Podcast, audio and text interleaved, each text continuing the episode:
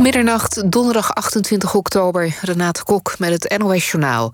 President Poetin heeft staatsbedrijf Gazprom opdracht gegeven... om de gasvoorraden in Europa aan te vullen met Russisch gas. Dat zou uiterlijk 8 november moeten gebeuren. Dan zijn naar verwachting de Russische reserveopslagplaatsen voor gas weer op peil. Poetin verwacht dat door het extra Russische gas... de prijzen op de Europese energiemarkt worden getemperd. Tot nu toe heeft Gazprom nauwelijks gas gepompt naar Europa, ondanks dringende verzoeken.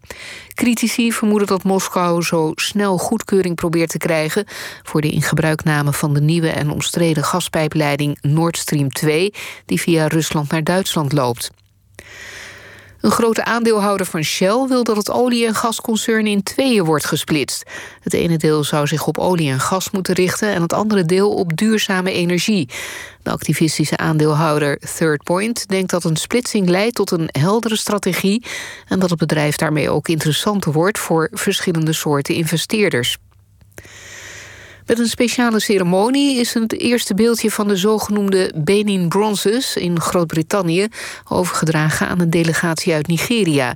De Benin Bronzes zijn afkomstig uit het Koninkrijk Benin, dat ligt in het huidige Nigeria. In 1897 plunderden Britse troepen het Koninklijk Paleis en namen toen duizenden bronzen maskers, hoofden en reliefs mee. Via Groot-Brittannië kwamen ze in musea over de hele wereld terecht. In Barneveld wordt een pluimveebedrijf geruimd... omdat er contact is geweest met een bedrijf in Zeewolde... waar eergisteren vogelgriep is vastgesteld. Dat meldt het ministerie van Landbouw. Uit onderzoek is gebleken dat een bezoeker eerst bij de ene pluimveehouder is geweest... en daarna bij de ander. Er zullen 9500 kippen worden geruimd. Het weer. Vannacht is het vrijwel overal helder. Er staat een matige aan zee vrij krachtige zuidelijke wind. Temperatuur daalt naar een graad of 8. Morgen zonnig en droog, dan wordt het 15 tot 18 graden... maar het blijft wel stevig waaien. Dit was het NOS Journaal. NPO Radio 1. VPRO. Nooit meer slapen.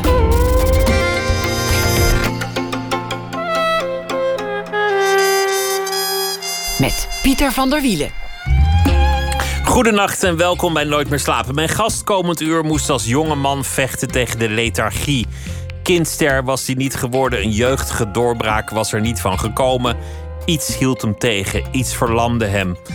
Lang voordat het officieel overheidsbeleid werd, zat hij al hele dagen op de bank. En toen, in 2018, kwam ineens de doorbraak. Prijzen, een bejubelde one-man show, zijn hoofd op affiches, vaak op televisie, in onder meer het geprezen programma Clickbait. Genoeg stof om eens falikant naast je schoenen te gaan lopen. Zijn nieuwe voorstelling heet dan ook Ego. En daarin gaat Alex Ploeg op zoek naar de achterkant van alle bravoure. De innerlijke stem die zegt dat je misschien wel helemaal niet zo geweldig bent en dat misschien wel helemaal niemand op je wacht. De vraag wanneer je mans genoeg mag heten in deze tijd. Alex Ploeg fileert zichzelf, ontleedt zichzelf. En dat doet hij op hilarische wijze. Alex Ploeg werd geboren in 1985. Welkom. Ja, dankjewel. Wat uh, leuk om te horen. Ja. Wat was eigenlijk het vertrekpunt voor, voor deze voorstelling? Met welke gedachten ben je gaan schrijven? Um, ja, ik, ik, ik, dat idee van het ego, dat kwam al vrij snel, al voor, voor coronatijden. Dat ik inderdaad dacht, um, ik vind dat idee van het zelfbeeld heel interessant. Uh, het begon heel bazaal, denk ik, dat ik um, gewoon ik merkte dat gewoon de, veel van de problemen in mijn leven voortkwamen uit ego. Dus positief dan wel negatief. Te veel of te weinig ego? Ja, toch dat het is ook een soort... Um, ja, dus dat je, dat je als, als dingen ik veel misgaan, dan is het vooral een soort kloof tussen hoe jij dacht dat het zou moeten gaan en hoe het daadwerkelijk gaat zijn. En, uh, en dat dat dat eigenlijk het probleem is, een beetje het boeddhistische bijna van het probleem is niet hoe de dingen gaan. Het probleem is jouw verwachtingen ervan. En dat dat heeft met je zelfbeeld te maken. En die verwachting komt voort uit een soort ego. Ja, ik denk het wel of zo. Of dat je denkt, ja. Uh, en het, het, het, heeft ook. En ik had ook een boek gelezen, uh, wat ik heel interessant vond over. Uh, wat een beetje wat, ja, over, ik heb, als ik het over ego heb, heb ik het best wel over de een soort Oosters idee van het ego. Je hebt zeg maar even, als ik het heel kort door de bocht uitleg, je hebt zeg maar een Westers idee van het ego, dat het dan gewoon een beetje dat Freudiaanse van, nou ja, zoals wij, zoals wij het over praten, van een ego, dat is gewoon de impulscontrole. En het Oosterse boeddhistische idee is eigenlijk het, het zelfbeeld dat, je, dat we allemaal opwerpen, waardoor we de werkelijkheid eigenlijk ervaren. Hè? Dus ik heb, ik heb dan eh, mijn identiteit, Alex, heb ik dan ooit gevormd om allemaal dingen heen. Bijvoorbeeld, ik ben ooit om mijn twaalfde jeugdtheater gaan spelen. En daar kreeg ik erkenning door. En daar heb ik dan een identiteit omheen gebouwd eigenlijk. Dus toen werd je iets meer Alex via dat podium? Ja, eigenlijk wel. Uh, en, tegelijk, en tegelijkertijd is dat dus ook... Is dat dan wie je bent? Of is dat iets wat je doet en gekozen hebt? En dat, vind ik, dat vond ik interessante. Zo, wat is dan wat is echt daaraan? En wat is nep? En wat is gewoon een soort rolletje die we spelen? Dus wat bepaalt dat jij Alex bent? Wat definieert Alex? Ja. Is dat wat je doet? Is dat hoe anderen jou zien? Is dat uh, een vastgelegd principe dat jij als een soort archeoloog moet blootleggen? Dat je moet ontdekken? Ja. Het ware zelf? Ja, uh, ja precies. Nou, dat eigenlijk dat vond ik het interessante. En um, ja, in het, het gekke ja, het antwoord, dat blijft een lastige. Daarvoor moeten mensen ook lekker naar het theater komen. Nee, ik denk dat het te maken heeft met een... Uh, het is allemaal waar. En niet waar.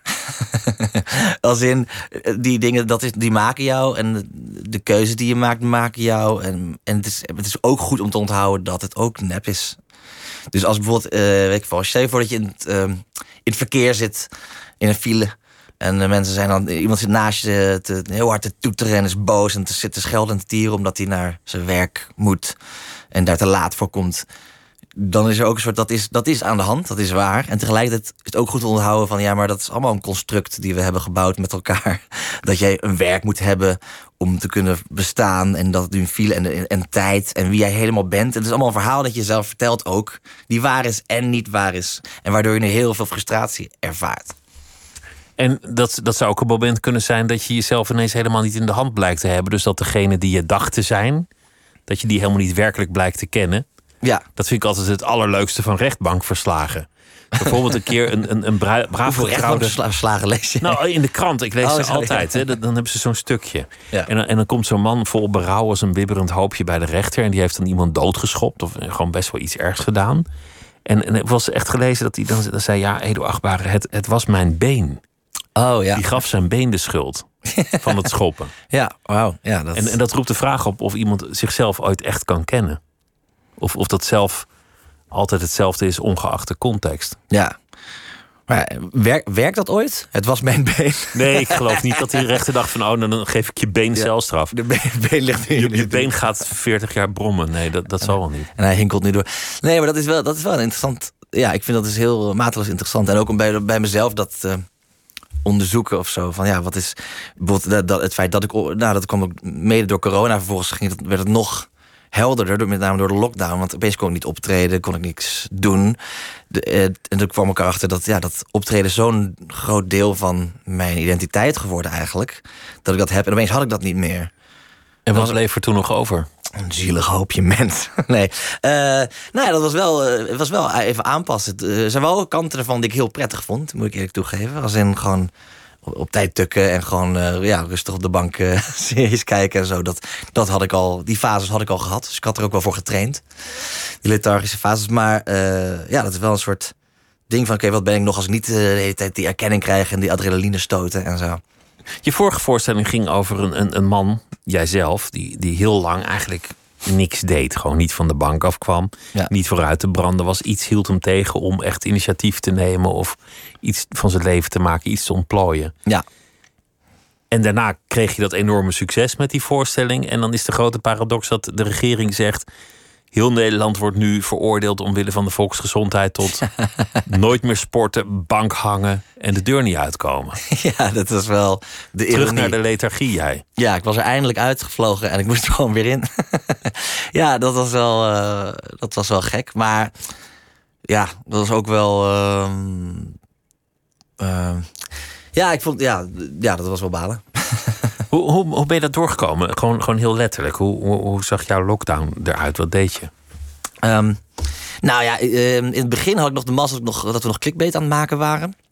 Uh, want dat mocht toen wel nog doorgaan. Dus, dus dat was heel fijn, vooral voor de creatieve outlet ervan.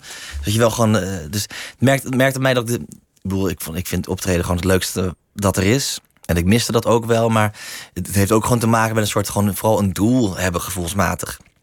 En, uh, en toen op een gegeven moment de clickback ook klaar was, toen kwam weer echt voor mij pas voor het eerst echt hard binnen. En ik ook dat ik heel erg zo. Um, ja, dus je hebt heel veel verschillende fases doorlopen. Ik merkte ook op een gegeven moment dat ik dan heel erg dacht: oké, ik moet iets zoeken om te doen. Waardoor het de moeite waard gaat zijn, allemaal. Ik zag ook om me heen eh, alle collega's. Iedereen had opeens een podcast. Het was een soort. Alle golfpodcasts kwamen maar bleef maar komen. En dan mensen begonnen YouTube-kanalen. Dus dacht ik: oké, ik moet ook iets gaan verzinnen. waardoor ik als winnaar uit de pandemie ga komen. En dat... om, een goede pandemie te hebben, een goede lockdown. Ja, precies. Dat ook, uh, ja, dat was ook mijn. Ja, dat is grappig. Mijn, mijn vriendin zei dat ook. Op een gegeven moment was toen. Die was ook heel, heel druk en ook had veel stress ook wel. Die zei op een gegeven moment ook. Toen, als iedereen die ze hoorde over ja, die puzzels en alleen maar series aan het kijken. En ik verveel me. Ze zei: Ik heb het gevoel dat iedereen een leukere lockdown heeft dan ik. Dat al die mensen talen leren, ja. wiskundige raadsels oplossen, ja. boeken lezen en dan echt ook hele goede boeken. Ja. nou ja, maar uiteindelijk is, is dat iedereen volgens mij gewoon te zuipen. Ja, dat denk ik ook. Ja, het was ook gewoon. Uh, ja, de monotonie was vooral. Dat, dat, uh, dat zeg ik op een gegeven moment in de voorstelling ook van mij. Dat, was, dat het een. Uh, dat eigenlijk je identiteit ergens ook. Je hebt, dat is niet maar één ding. Je hebt natuurlijk. Je hebt eigenlijk heel veel verschillende ikken. Je bent één iemand als je alleen bent, weer iemand anders als je bij je vriendin bent, weer iemand anders uh, bij je vrienden, weer een beetje iemand anders op je werk. En al die dingen samen, dat is dan wie jij bent. En eigenlijk het, het zware van de lockdown was dat je 90% van die ikken kwijt was. Dus je zat het vast in dezelfde. En dat is volgens mij wat er zo zwaar ook aan was. Je identiteit ging verloren. Ja, dat je gewoon, ja, je zat vast in, in, in, ja, in 20% van jezelf. Ik, ik zag op een gegeven moment mensen heel erg druk met hun telefoon zwaaien bij de bakker. Ik dacht van, nou, wat, is, wat zijn ze aan het doen? Maar die waren dan een social media update aan het maken van het feit dat ze een gebakje gingen kopen, omdat dat als enig nog open was. en je moet er toch er, je hebt geen gala-premières meer of, of wilde feesten of wat dan ook. Dus dan, dan, gaat, dan wordt een gebakje iets om op, op Facebook over op te scheppen. Ja. Dat is toch hilarisch. Ja, dat is wel, dat is wel heftig. Dan ben je dan is het ver gekomen. Wat was die lethargie eigenlijk in, in, jouw, in jouw leven voor, voorafgaand aan je vorige voorstelling? Waar, waaruit bestond dat als je erop terugkijkt? Nou, dat was um, een fase in mijn leven waarin. Um, um, nou, ik denk dat de, de, de werkelijkheid ervan, dat had meerdere redenen, denk ik. Ik denk dat ik. dat had ook eigenlijk wat ik in die voorstelling niet zei. Het grote onuitgesproken in die voorstelling, een ultimatum, is uh, comedy is cabaret. Dat was eigenlijk het probleem. Namelijk dat ik, ik had een paar keer auditie gedaan voor de Kleinkunstacademie. Daar was ik steeds niet aangenomen. Ik had een paar keer auditie ook gedaan voor Comedy Train. Werd ik eerst ook steeds niet aangenomen. Dus ik had een soort van, oké, wat moet ik doen? En ik had um, ja, studie een beetje verneukt. Dus er was een soort fase van, oh shit, wat, wat, wat ben ik aan het doen? En opeens was iedereen... Wat wordt mijn leven eigenlijk? Ja, en, en, en een soort faalangst. Ook een soort weigering om een keuze te maken. Om echt ergens voor te gaan, want dan kan je ook falen. En dat wilde ik niet verder. Dus ik denk dat het daar een beetje mee uh, samenhing. En dat was een fase die best wel lang duurde eigenlijk, als je erop terugkijkt. Uh, ja, dat is wel een paar jaar. Ja, was wel een paar jaar bij elkaar, ja. En, en hoe, hoe, was dat dan? Dat mensen zeiden: Goh, ja, Alex, hele lieve jongen, maar. Nou, kijk, het, nu lijkt het echt alsof ik een soort uh, in, coma lag de hele tijd. Het wordt ook wel. Ik denk het ook wel een beetje aan de show, denk ik. Maar het is wel een. Het is vooral mentaal, een mentaal blok van het um, echt ergens voor kiezen. Of echt ervoor kiezen om mee te doen. En alles was een beetje een, een, een grap en een soort van: oh, het gaat allemaal nog komen. Dat vooral, denk ik. Ik denk een soort wachten tot het me aankomt waaien. Ik denk dat ik ook een soort um, ingebouwde arrogantie had, stiekem gepaard met die faalangst. Doordat in het verleden heel veel dingen me wel een beetje aankwamen waaien op school en zo, dat soort dingen. En, en dat ik daardoor ook dacht dat het wel zo zou. Ik moest leren werken, denk ik. Het moest goed worden. Als jij iets ging doen, dan moest het meteen ja. echt heel groot en heel, heel fantastisch worden. Want anders had je gefaald en daardoor ja. schrok dat af. Ja, en, ja, en één keuze maken is tien keuzes niet maken. En ik, ik met, met, nou, met comedy bijvoorbeeld is een goed voorbeeld. Um, ik, ik was altijd al door op comedy en cabaret en zo. En ik wist, ik wil stand-up gaan doen. Uh, en, en toch heb ik daar nog toen uh, één of twee jaar nog mee gewacht voordat ik echt startte. Omdat ik dacht, oh ja, ik wil als ik start, als ik begin, moet ik ook in één keer zo keihard. Dat iedereen denkt, oh, waar komt deze gast opeens vandaan? Holy shit.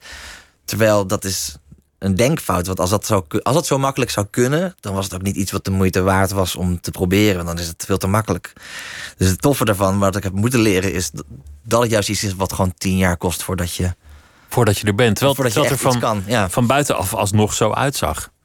Wow, wie is die gast? Ja. Waar komt die vandaan? Ja, it, uh, it takes 10 years to be an overnight success. Ja, maar die, die, die, die, die tien jaar heeft niemand echt. Ja, mensen hebben het wel gezien, maar het grote publiek niet. Nee, dat is bij Dus het lijkt alsof ja. je uit, uit de hemel kan vallen. Ja, nou, dankjewel.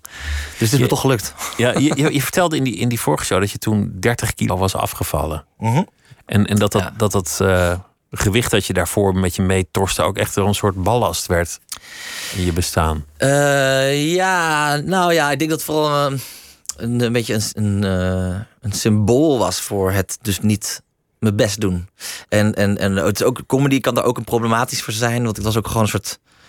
ehm, het werd ook, ik had ook heel veel materiaal daarover, bijvoorbeeld altijd. Ik had heel veel fat jokes over mezelf. eh, toen ik begon met comedy. Die werken ook altijd goed. Die werken heel goed. Je hebt een natuurlijke. Het is voor comedy heel fijn om een natuurlijke underdog-positie te hebben die je niet hoeft uit te leggen. Dus ik, ik had inderdaad zo'n een, een periode dat ik dan had, dat ik dikker was en dat werkte gewoon voor mijn werk heel goed. Want dan was het, haha, ik ben een dikke gast, haha, grappig.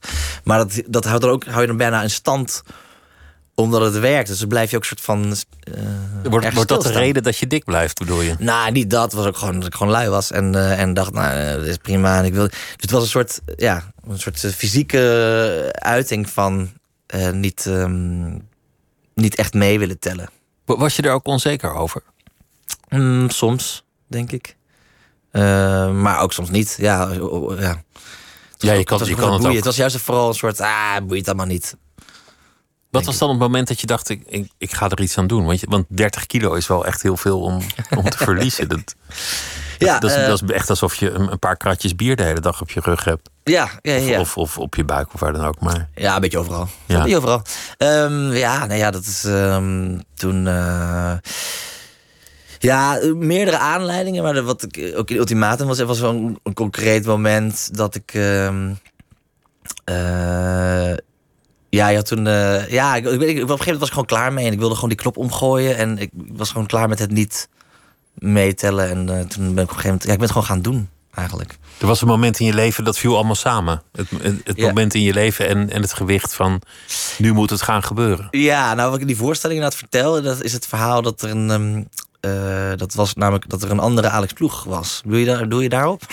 Ja, dat, Ja. vertel je, de, de, de wetenschapper Alex Ploeg. Ja, dat was een andere Alex Ploeg. Die, ehm, dat is heel terug. Die is, die is eh, helaas eh, is die, zat, die zat in MH17. En die, die is daar overleden. En toen de- hij overleed en die. ehm, eh, dus die dag dat het was gebeurd, toen was die namenlijst ook op, eh, eh, bekendgemaakt van de inzittenden. En eh, daar eh, stond mijn naam tussen. Dus er was, een, er was een dag dat heel veel mensen dachten dat ik was overleden. Wat heel confronterend werkte. En je, je had ook een soort Google-strijd van... als je jezelf googelt, dan krijg je iemand anders. Ja, dat was ik, ik wist al van zijn bestaan inderdaad. Dat, dat, is, de, ja, dat, is allemaal, dat is een verhaal dat ik inderdaad vertel in uh, Ultimatum. Ik wist al langer van zijn bestaan, dat gewoon wel dezelfde naam. Dus dat was heel vaak lang als je mij googelde, dan vond je hem. Dus ik had altijd in mijn hoofd een soort strijd met hem van, uh, uh, van wie staat er bovenaan de zoekdingen. En uh, ja, en dat was toen, ja, dat dat was toen wel een momentje dat ik dacht: oh ja, wat is dit? Dit is gewoon iemand die er nu niet meer is, waar ik een soort weirde strijd mee heb. En dit, laat ik dan wel gaan kiezen voor mijn leven, eigenlijk.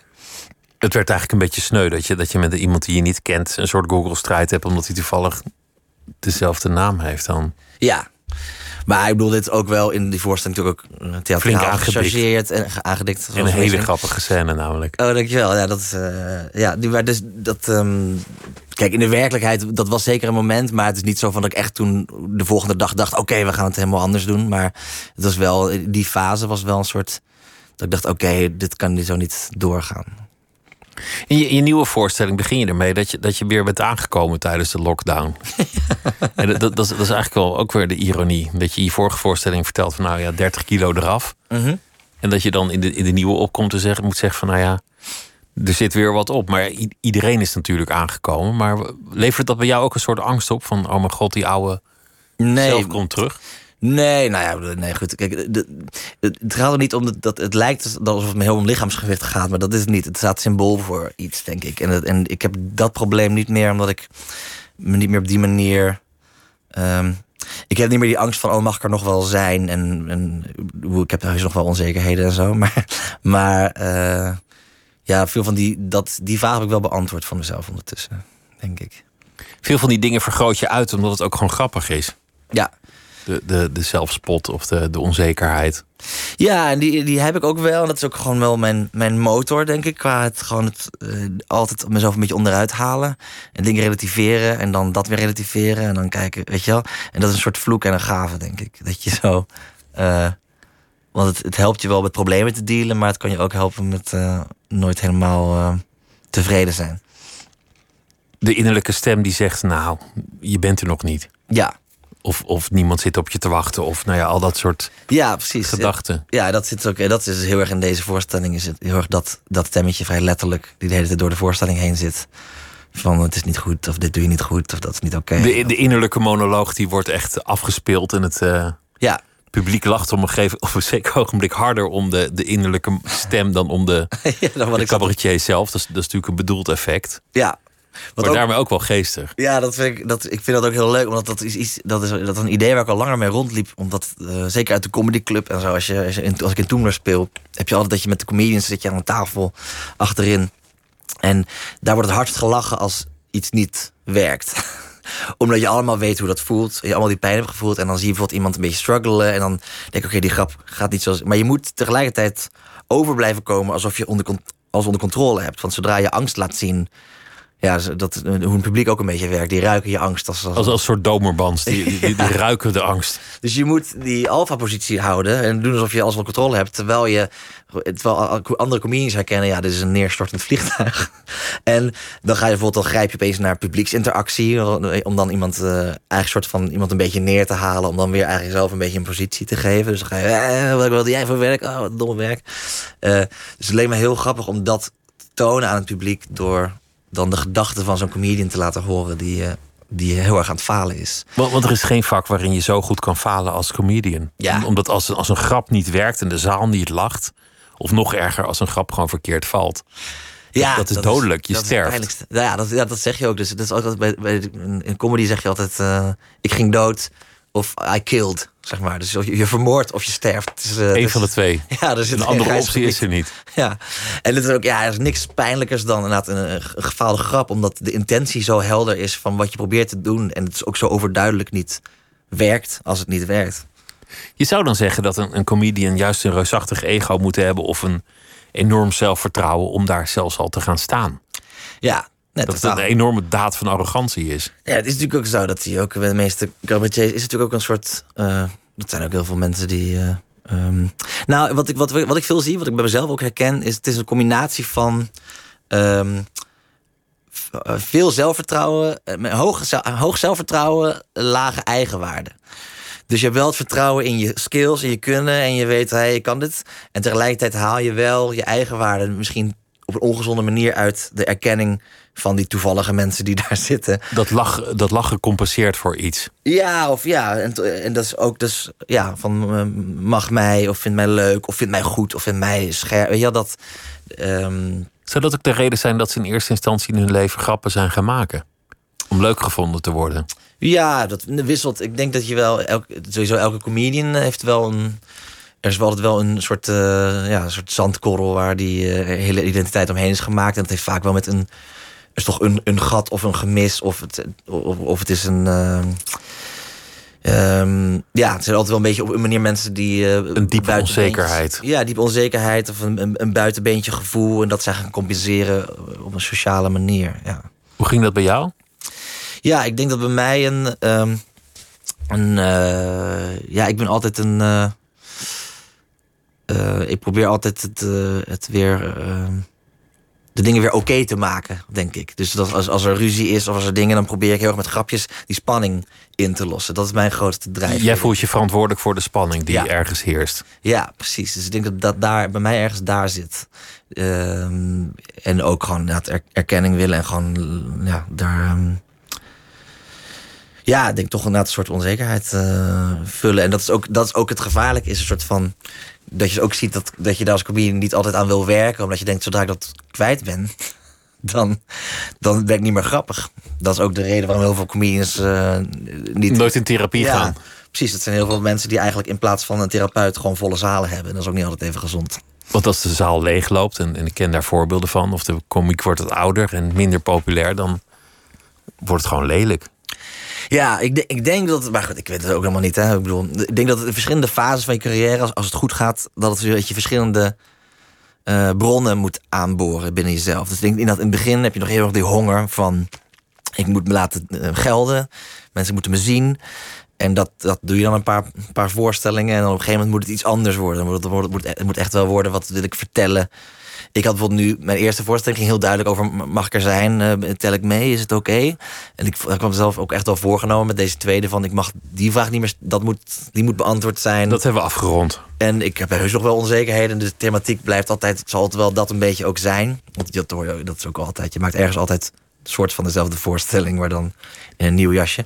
Maar ik had wel duidelijk, ik wilde om een ander thema, ik wilde er dieper op ingaan op een manier. Op het thema ego, mannelijkheid, Ja, wat is dat? zelfkennis, Ja, dat soort vragen. ja, precies. Ben je, ben je vaak dood gegaan op het podium eigenlijk?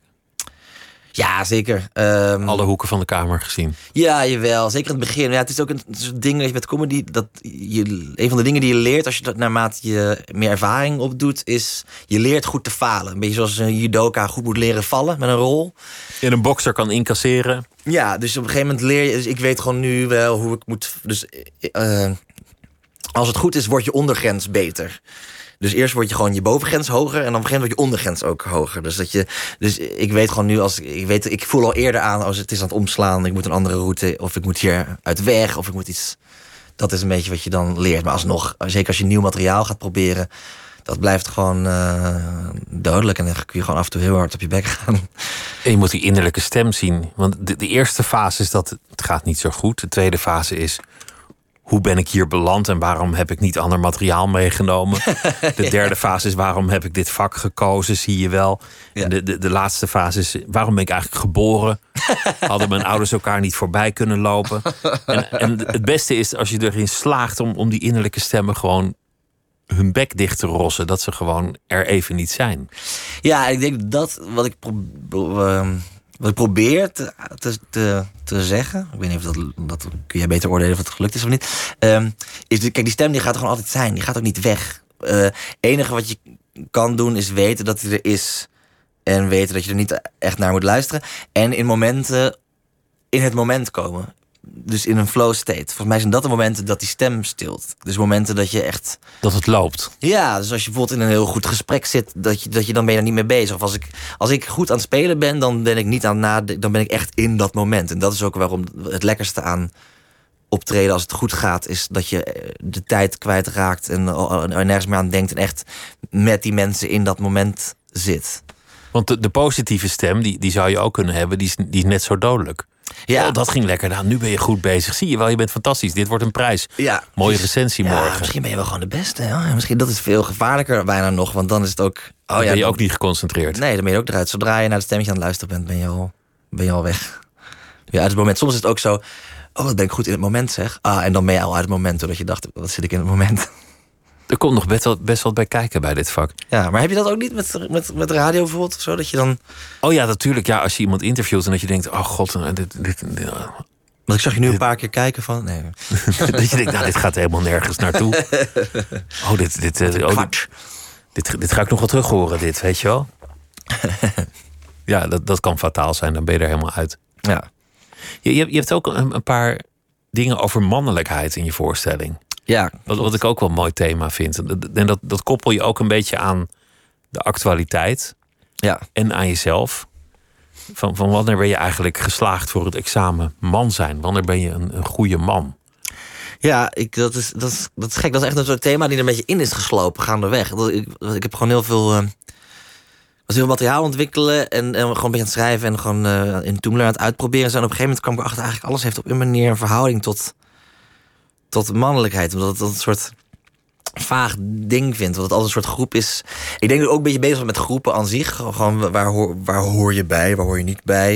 En er zijn natuurlijk heel veel maatschappelijke discussies ook op het moment volgens mij die heel erg ja, lijn in het zand trekken. Man tegen vrouw. eh, Voor toxic masculinity en zo. ja, precies. Dat soort, en, dat, en ik merkte in die discussies vond ik, dat ik daar heel snel toch boos over kan worden of zo. Of dan voel ik me heel erg aangevallen. En dan denk ik ook tegelijk van, maar waarom voel ik me nou aangevallen? Want ik heb ook issues met enorme alfa Neandertaler gasten. Daar voel ik me ook helemaal niet verwant mee. Ik ben En geen toch voel je dat je je moet verdedigen. Of een, ja, en toch denk ik ook van dat ik dan heel erg wil laten gelden van ja, maar wacht even, ik ben, ik ben oké. En wat, wat zeg je nou? En dat, en dat is ook weer. Dat is het ego. dat is het ego. Dat is nou het ego. Ja, en, en ik vind het ook interessant. Wat is dan een man en wat is dan een vrouw? Want ik vind, voel helemaal niet dat ik. Ik ben wel zoveel minder mannelijk dan een paar generaties geleden. Je zou zeggen, dit is een man. Net zoals dat, denk ik, de meeste vrouwen van nu niet even vrouwelijk, wat, whatever that means, zeg maar.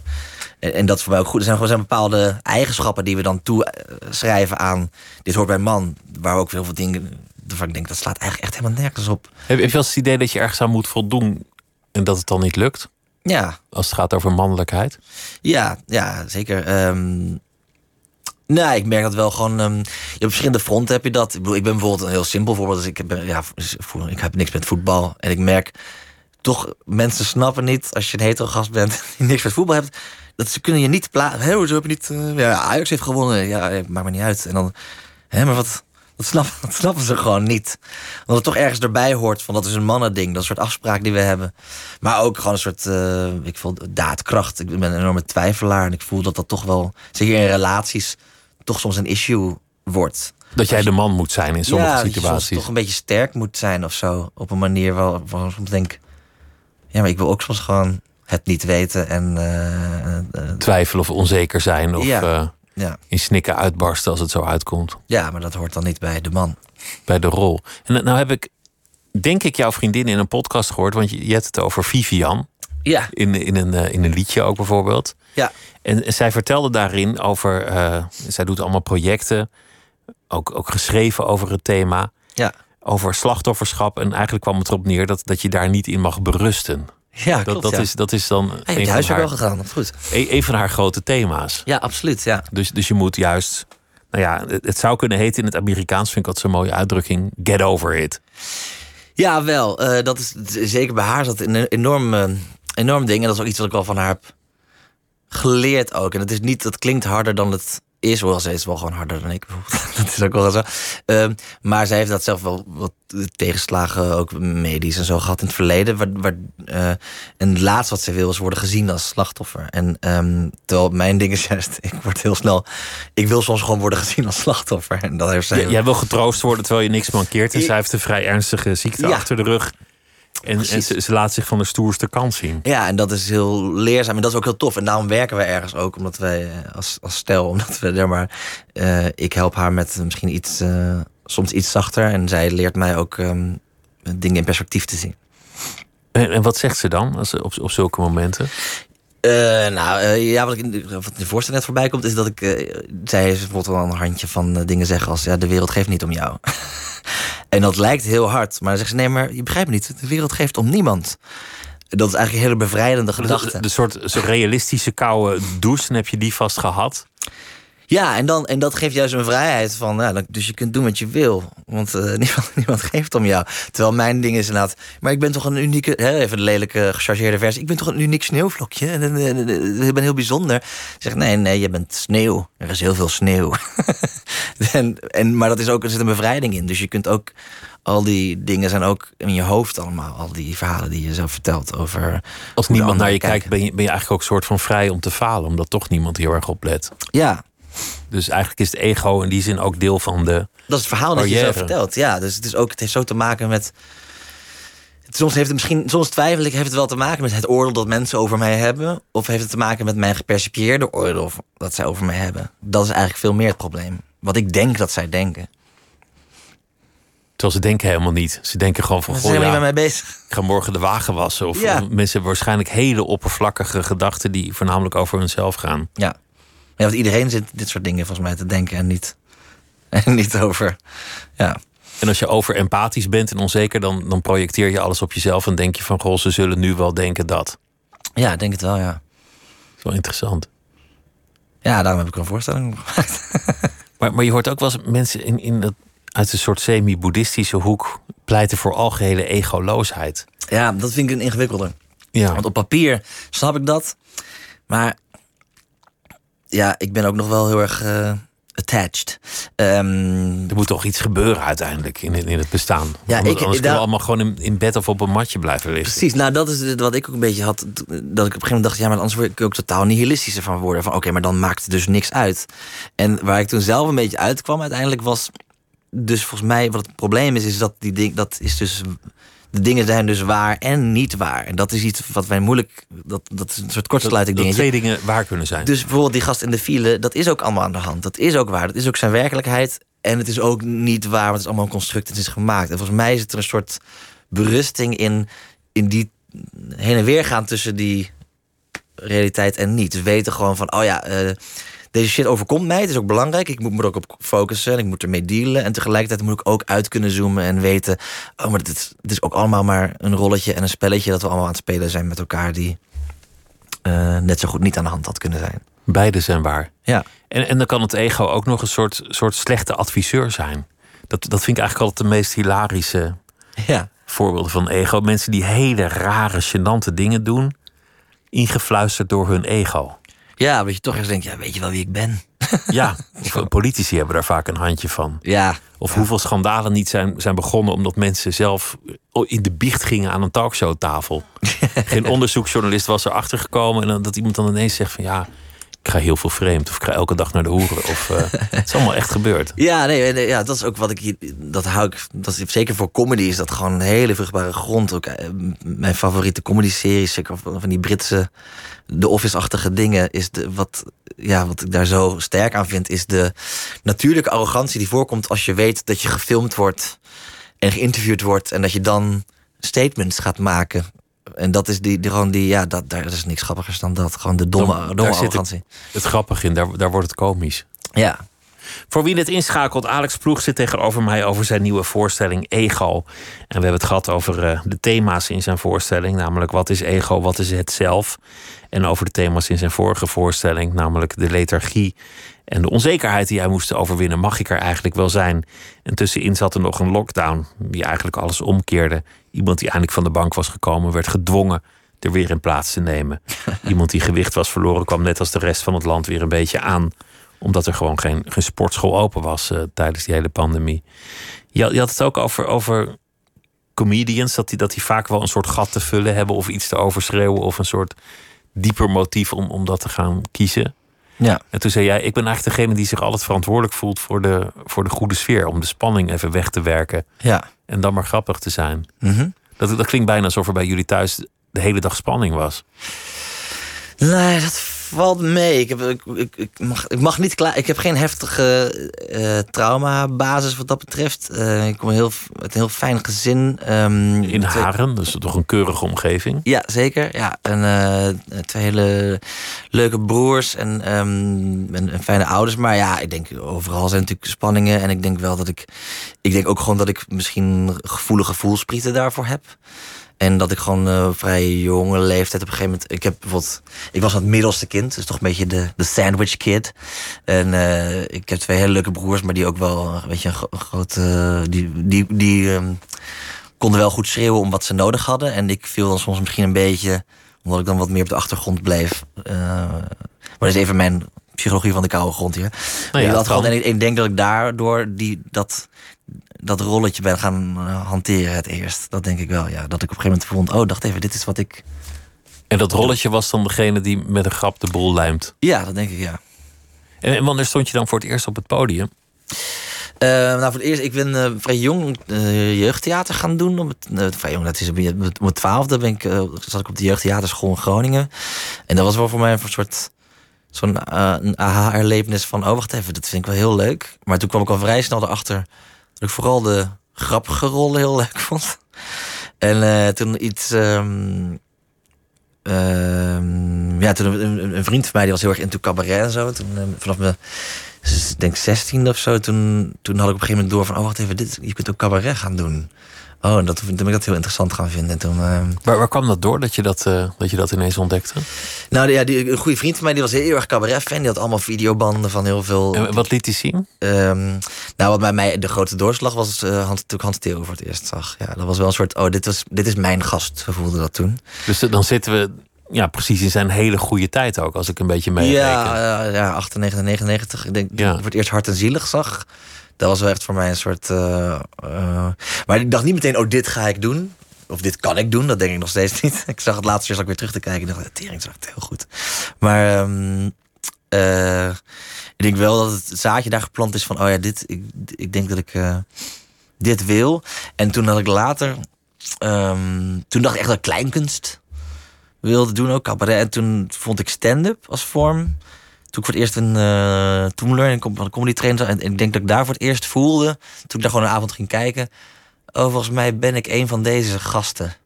Hier hoor ik bij, bij, Ja. bij comedy. Ja, bij een soort. Ja, het is iets. En, en niet. Dat waren hele verschillende gasten, maar een soort. Ja, het is toch eh, allemaal gasten die met één been half buiten de maatschappij en één been erin. En ook allemaal wel grappig, maar ook allemaal een beetje weird. En dat dacht ik van, oh ja, dit voelt wel. eh, ja, als. ehm, voelt een beetje als. als eh, ja, ik denk dat ik een van hun ben. Iemand die met één been een beetje buiten en één been een beetje binnen de, Ja, de groep en de samenleving staat. ja. Is, is dat nog steeds zo? Eh, ja, ik denk het wel. Ik denk, eh, maar ik, ik denk dat ik voor Kobe nog relatief goed a- eh, sociaal aangepast ben. Niet, niet een totale idioot die eh, maar, eh, regelmatig leeft. maar ik denk ook dat je dat wil. Ik denk ook, sommigen hebben twee, benen, twee benen erbuiten. Eh, ik denk ook dat je, je wil die uitzoom kunnen hebben. Dat is toch een soort abstractie-ding wat ook interessant maakt. Waardoor je ook kan laten zien aan mensen, ik denk überhaupt kunstenaars, artiesten dat ook moeten hebben, muziek, muzici, van hé hey, kijk, dit is wat we aan het doen zijn en dit is waarom dat gek is, of zo. Daarvoor moet je ook niet er volledig in zitten. Zo'n grappige uitdrukking, eigenlijk één been buiten de samenleving. Dan moet ik meteen weer denken aan die man bij de rechter die, ja. die dat ene been de schuld geeft. ja, precies. Je, je, je had het dit ook over relaties, van, van dat jullie goed bij elkaar passen, omdat jullie eigenlijk de omgekeerde rol innemen ten opzichte van het rollenpatroon. Ja, Want zo zou je het kunnen zien als je het heel traditioneel bekijkt. De een wat vrouwelijker, de Ja. ander mannelijker. Ik, ik hou eigenlijk niet van dat soort labels, maar nee. ze bestaan nou eenmaal. Ja, nee, totaal. Nee, dat is, dat is wel. eh, dat, dat is iets wat ik waarneem en wat ik ook le- leuk vind daarin. En de, ja, die labels die zijn natuurlijk ook een beetje onzinnig. Ik denk ook dat dat is wat ik daarmee probeer te zeggen, een beetje. Maar zonder dan te zeggen, labels zijn onzinnig. Want dat vind ik altijd zo. Ja, dat is niet grappig natuurlijk als je dat zo zegt. Maar ze zijn aan het verschuiven en tegelijk leidt dat meer tot verwarring dan tot duidelijkheid. Ja, ik denk het wel, ja. Ehm, ja, dat vind ik, dat, dat, is een, ja, dat is een hele ingewikkelde natuurlijk. Wat ik, en, en ik vind vooral ook de, de mannenkant staat niet altijd onder de loep. Omdat het dan ook soms wel heel makkelijk is in bepaalde discussies om te zeggen... oh, mannen zijn X. Bijvoorbeeld toxic masculinity of eh, weet je wel... alsof dat maar één... alsof dat niet ook een heel spectrum is van... Mogelijkheden. Ja, van, ja, en de onzekerheden en dingen. En ik, ehm, ja, ik heb het gevoel dat het veel dat dat, dat, dat ook een veel breder begrip eh, moet zijn. Want je, want je leest wel veel artikelen over dat, dat de man in een crisis zit en, en de man er niet meer uitkomt en de man niet meer weet wat hij moet doen. Maar het gaat Ja. eigenlijk volgens mij slechter met de mannen in onze samenleving dan met de vrouwen. Als je kijkt naar de, de depressies en de medicatie en de verslavingen. Ja, is, is het zo? Dat weet, dat weet Ja, ik niet. Maar de- ja, ik Ik denk heb niet wel. de exacte statistieken paraat, maar volgens mij is dat zo. Dat, Ja, of je zou ook kunnen zeggen dat misschien mannen eindelijk beginnen te werken aan hun shit wat ze heel lang niet hebben gedaan. Dat zou ook kunnen. Dat is juist misschien. wat ze al die jaren op voetbaltribunes hebben moeten overschreeuwen. Ja, precies. Gewoon eh, doorwerken. En dat we nu eindelijk. eh, ja, dat dit ook een bijkomstigheid is van. Oh ja, nu we ook toch maar naar ons gevoel gaan kijken. In plaats van eh, daar ja, langzaam aan sterven. of tumortjes van maken in hun, eh, in hun lichaam. Je, je noemde, je noemde eh, Hans Theo. Je, je hebt ook wel eens gezegd dat, dat Louis C.K. voor jou een grote held was.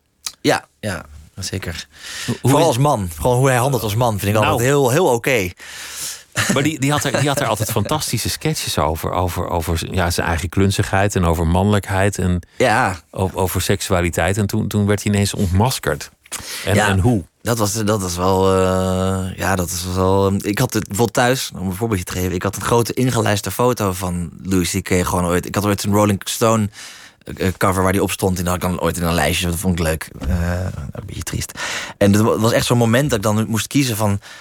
Ja, ga ik- moet ik dat ding nu weghalen dan? Als, want het is toch weird als je dan bijvoorbeeld een date mee naar huis neemt. En dan staat er groot, groot Louis C.K. Een- en ja, toch een soort eh, aanrander aan, ja. aan de muur. het, was, het hielp ook niet dat ik hem naast een foto van Bill Cosby en eh, Harvey Weinstein had, hoor. Dat hielp ook niet. maar, mijn, mijn, de grote drie. Ehm, maar ja, nee, ik ben als. Ik moet eerlijk bekennen, ja, dat is gewoon heel, iets heel ingewikkeld. Ik ben alsnog namelijk gewoon fan van Louis C.K. Ik vind hem gewoon een hele goede. Dat materiaal blijft gewoon even goed. Ja, en ik vind ook juist hem. Kijk, ik denk wat het, wat het teleurstellende was van, van dat hele. van dat ding, is dat hij juist iemand is die zo zijn donkerste kanten leek bloot te leggen. En, en dat ook deed. Dus, dat, dus hij die daar ook in liet zien: hey, dit is mijn gênante ding. Dit is mijn. Ik bedoel, het kwam voor mij ook niet als een mega verrassing, omdat hij al zoveel materiaal ook over in die hoek een beetje had. Ehm, ik vind het alleen ingewikkeld dat ja, Me- MeToo-discussies vind ik ook ehm, lastig, omdat ik eh, ook denk. Ik, ben, ik kan over hem niet zo objectief zijn, omdat ik hem zo tof vind en er zo lang op een Omdat voetstuk een had. fan gewoon een fan blijft natuurlijk. Ja, en ik heb er echt. Ja, ik heb, ja, dus ik, ik draag hem alsnog ook een warm hart toe. En ik- dus de- ik merk ook dat ik dan makkelijk hem ga verdedigen. En dan denk ik ook, oeh, is dat wel handig? En dan, ja, dat, dat, dat gedrag is natuurlijk niet toelaatbaar. Nou ja, dan krijg je al die shit. En dan, eh, Ik vind het beeld wel leuk van iemand die, die na een date bij iemand thuis komt. En dat is dan toch al een beetje onwennig van, oh, ik ga met een of andere gast Ja. mee. Ben ik hier wel veilig? Ben dan, ik hier veilig en dan, en dan hangt hij aan de muur. Dat is een mooi beeld. Ja. Was, was jij onzeker met vrouwen toen, toen je jonger was? Ehm, nou, nee, nee. Ehm, Ik denk het niet, maar ik heb, een, ik heb gewoon nooit zo'n. ehm, ik, ik- nee, ik had juist eigenlijk meer eh, vriendinnen dan vriendjes, denk ik. Ik had wel veel gewoon, gewoon als in eh, niet romantische vriendinnen. Pla maar gewoon- platonische Ja. vriendinnen. eh, dat had ik wel veel. Nee, ehm, maar eh, ik ben nooit zo'n.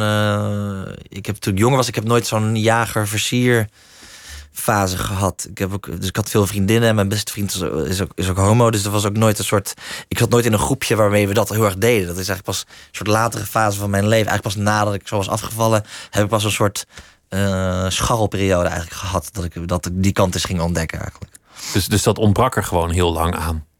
Ja, of ik zocht het niet op. Of het was, ja, dat ik, eh, ik heb wel veel, ik heb wel veel langere relaties gehad. Hadden we altijd. Een serial monogamist was ik. Nou ja, dat kan ook heel leuk zijn, toch? Ja. Ik denk maar dat het wel een thema is in, in je voorstellingen. De onzekerheid ten, ten opzichte van de vrouwen. Van, eh, Ja, ben, ben ik wel eh, Don Giovanni of niet? Of eh, zien ze me wel staan? Of dat soort dingen. ja en ultimatum zeker. Ja, ja, Ja. ja. ja, ja, absoluut. Nee, dat was ook een, dat is, wel, is ook wel een ding ehm, geweest, denk ik, lange tijd.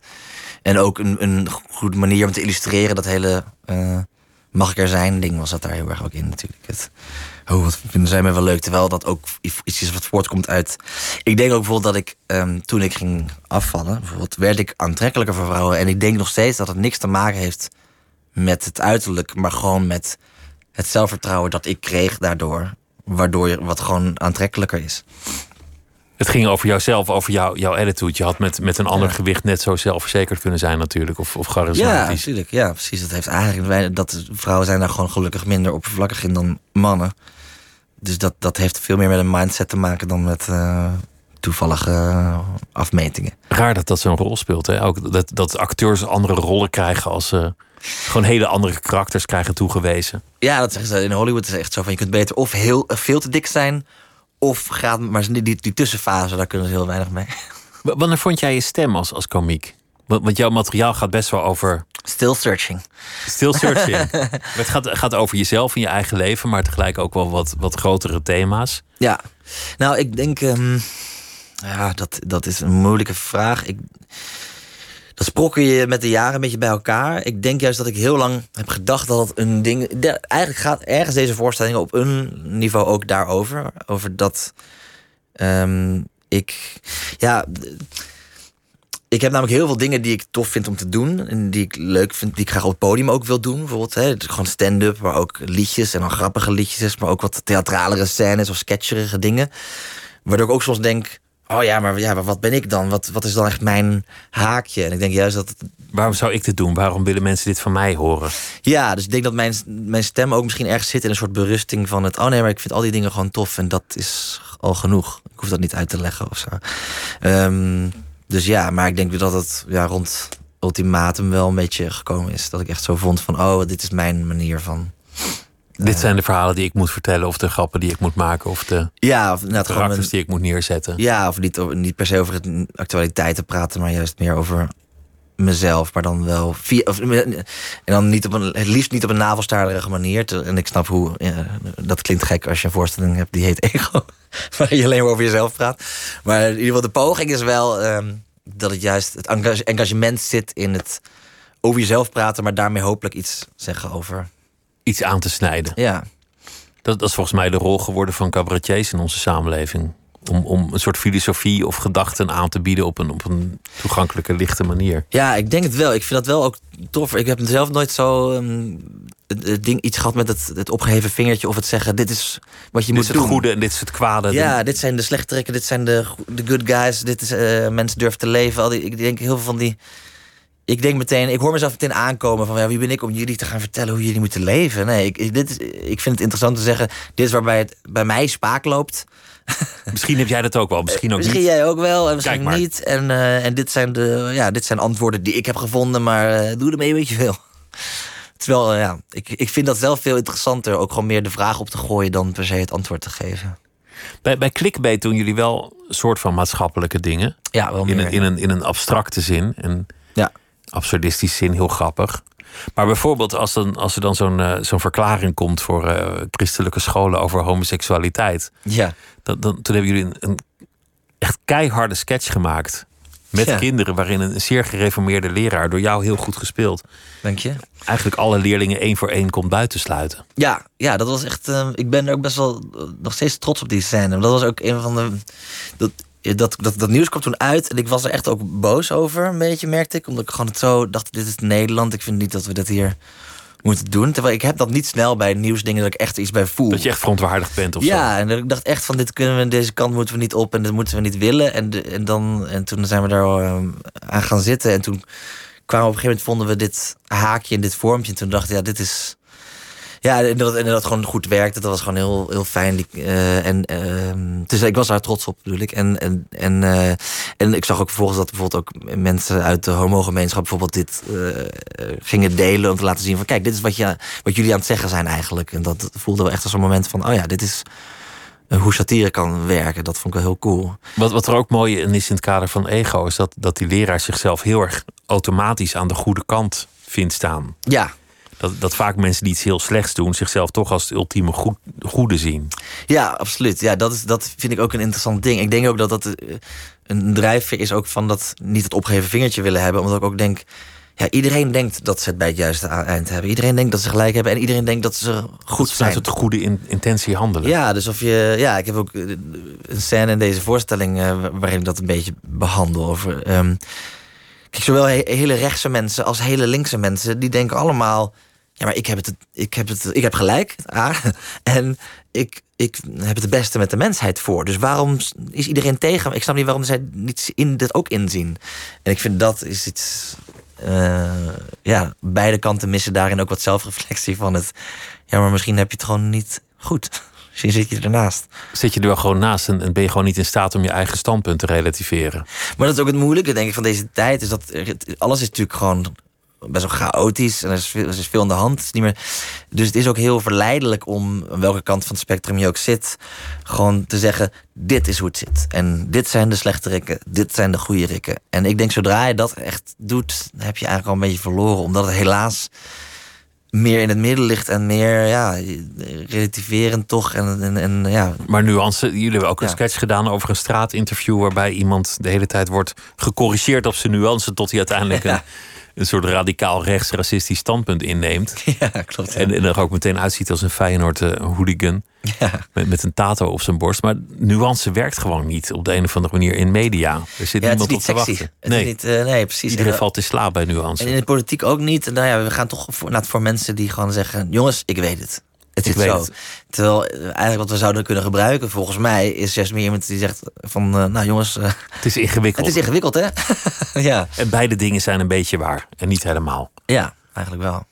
En dat is, dat is waar ik leef. Dus eigenlijk toch weer degene die probeert het, het midden op te zoeken en het Ik- goed te praten allemaal. Ik probeer me dan voor te stellen, midden in zo'n crisis, dat dan, dat dan Mark Rutte achter dat bureautje van hem gaat zitten, dat gekke bureautje, in het torentje, en dan gaat uitleggen van, nou ja, het is heel genuanceerd, het is heel ingewikkeld. We weten het eigenlijk ook niet precies. Ja, Eigenlijk hebben we gewoon geen idee op dit moment. ja. Dat, ja, dan ben je gewoon weg. Je, Ja. je, moet, je moet toch dan net als een, een, een komiek uitstralen. ja, dat is ook wel. een- Ik ben in control, ik heb het allemaal door. Ja, dat moet natuurlijk ook zeker. Ja, zeker in crisistijd moet je natuurlijk wel gewoon even zeggen: oké, dit gaan we doen.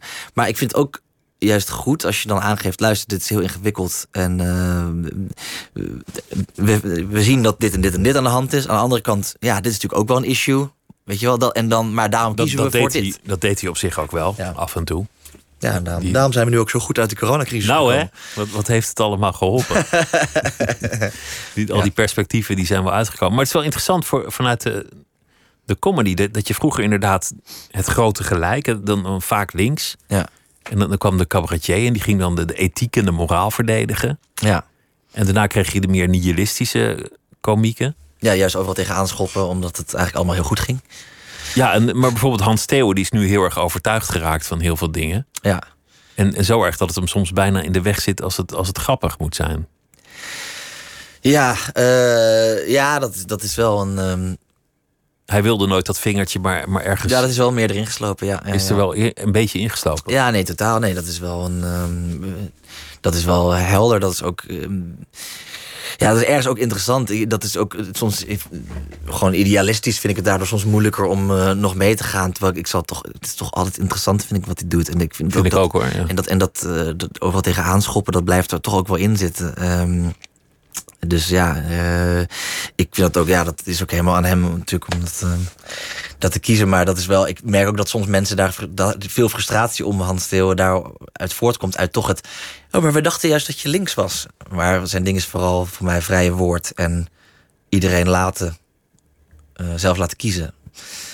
Ja, ik zie het ook niet echt als, als, alsof, alsof dat meteen rechts is of zo. Nee, precies. Maar Hij dat is gewoon tegen de is denk- dogmatiek. Ja, dat denk ik ook, ja. En, en, denk, en ik denk dat ehm, veel... ehm, dat is gewoon wel iets wat je maatschappelijk ziet gebeuren... is dat, de, dat, dat, dat, dat de dogmatiek nu juist...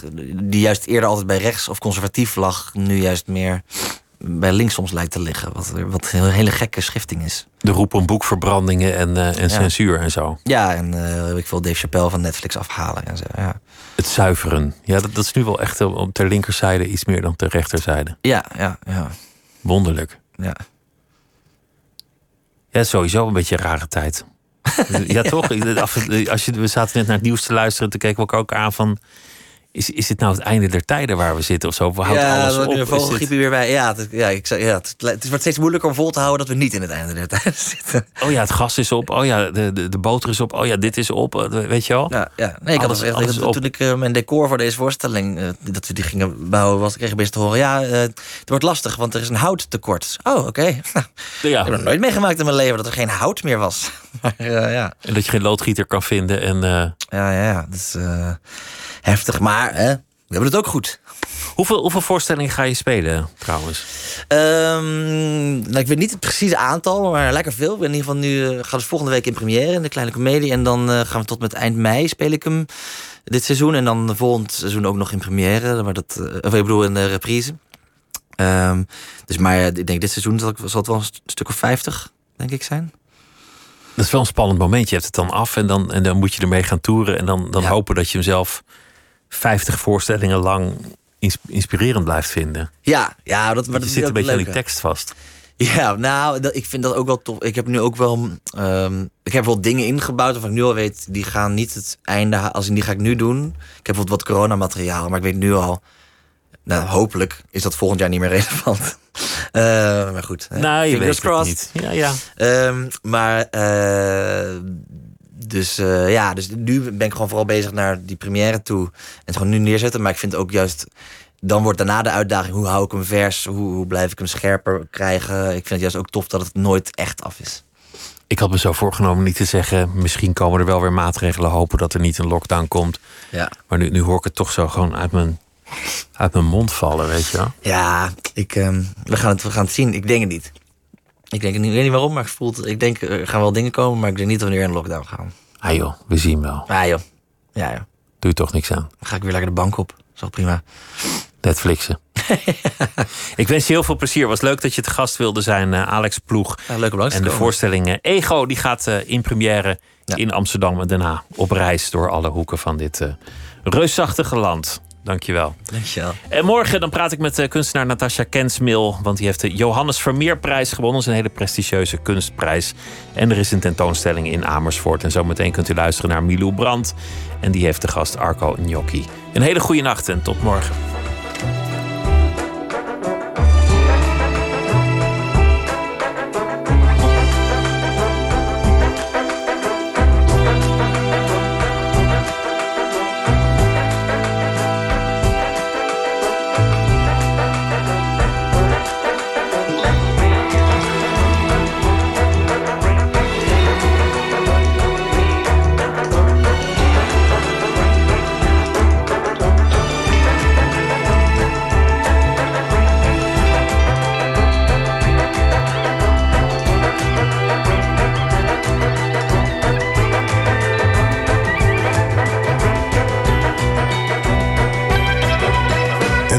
Radio 1. Wie luistert, weet meer. NPO Radio 1.